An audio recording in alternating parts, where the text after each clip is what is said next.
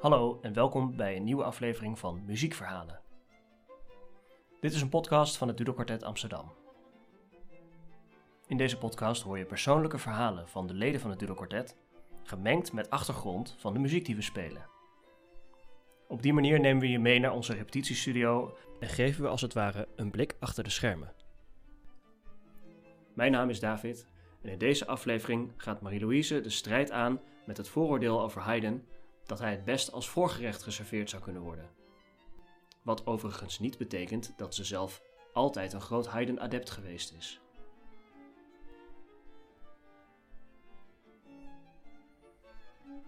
Het is 2009. Ik ben 17 jaar en heb een intrek genomen in mijn studentenkamer in Maastricht. Een studio van 30 vierkante meter in een flat vol met andere studenten van het conservatorium, waar je van 9 uur s ochtends tot 10 uur s avonds muziek mocht maken. Oorspronkelijk was dit gebouw bedoeld als bejaardentehuis, maar doordat de lift niet in de schacht paste, hebben ze er maar een muzikantenflat van gemaakt. Ik ben net begonnen aan mijn altvioolstudie aan het conservatorium en begin al snel een strijkkwartet te spelen.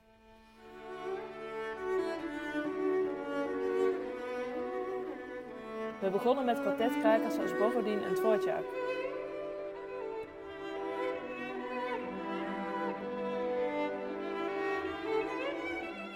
Na de repetities liepen we dan altijd langs het Vrijthof, maar alleen langslopen, dat was geen optie.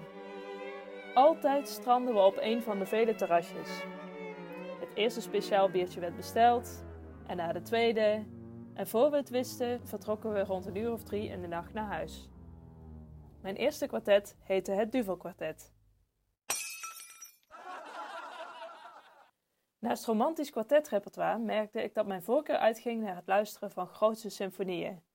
Brahms, Shostakovich en niet op de laatste plaats Mahler.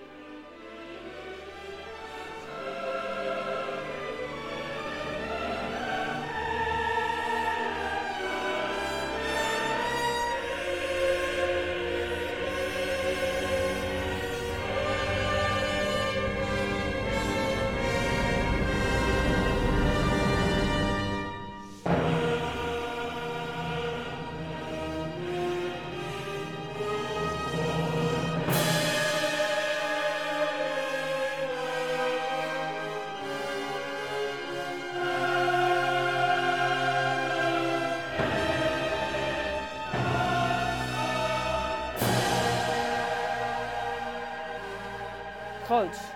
Veel grootser dan in Mozart of in Haydn. Ik vond het klassicisme maar lichthartig en frivol. Totdat ik naar één concert ging. Het Quatuor Eben kwam naar Maastricht om te spelen in de grote rode kerk op het Vrijthof, de Sint-Janskerk. De cd's van het Eben had ik al jaren grijs gedraaid, maar live had ik ze nog nooit gehoord. Samen met wat vrienden kochten wij een studentenkaartje voor 3 euro en besloten te gaan. Naast Bartok en Debussy stond als eerste Haydn op het programma. Nou, prima dacht ik, dat opwarmetje kan ik ook nog wel even uitzitten.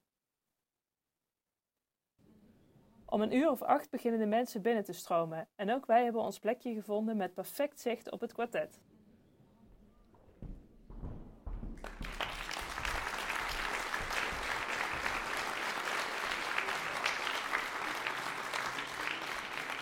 Het kwartet kwam op, ging zitten en begon te spelen.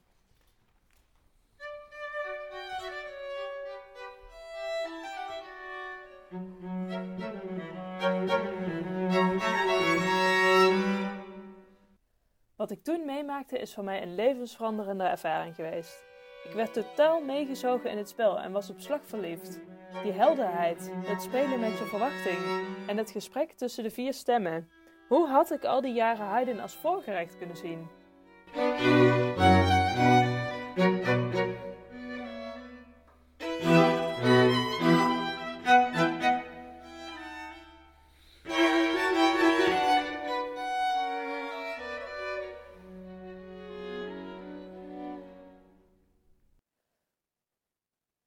Mijn kamer begin ik er meer naar te luisteren. Neem die zomer deel aan een masterclass in Italië, waar twee weken alleen op het klassieke repertoire werd gefocust.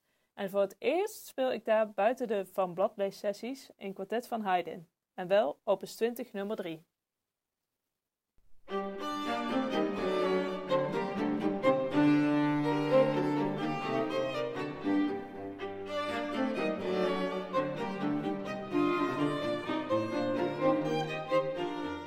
Stuk staat in G mineur.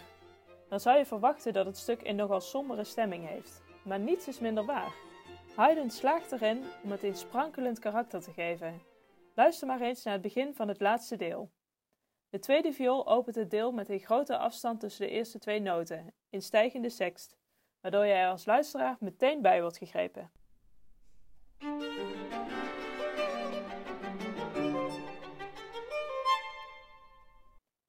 Een ander voorbeeld waardoor Haydn je op scherp zet, zijn de onverwachte korte pauzes die hij inlast. Het deel is nog maar een paar seconden bezig en hij maakt al gebruik van zo'n pauze.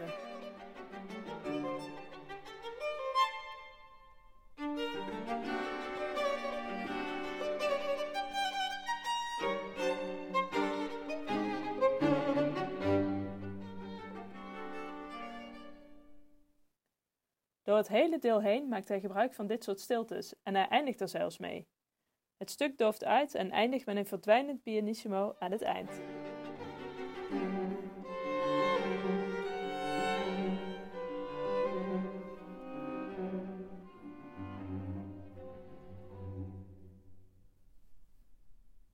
Nu, een aantal jaar later, ben ik verslaafd geraakt aan Haydn en hoop ik hem in de toekomst dan ook vaker als hoofdgerecht op een programma te zien staan.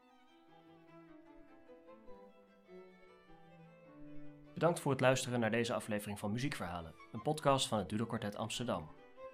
In deze aflevering hoorde je muziek van Jozef Haydn, delen uit zijn strijkkwartet opus 20 nummer 3 in G klein, afkomstig van ons eigen album, dat in september verscheen. Op 1 mei 2020 komt ons nieuwe album uit met daarop de drie andere opus 20 strijkkwartetten van Jozef Haydn. Ben je benieuwd? Ga dan naar ffm.to slash of klik de link in de beschrijving van deze podcast. Daarnaast klonk nog een ander kwartet van Haydn, in een uitvoering van het Franse Quatuor Eben. Je hoorde de opening van het strijkkwartet opus 33 nummer 1 in B klein.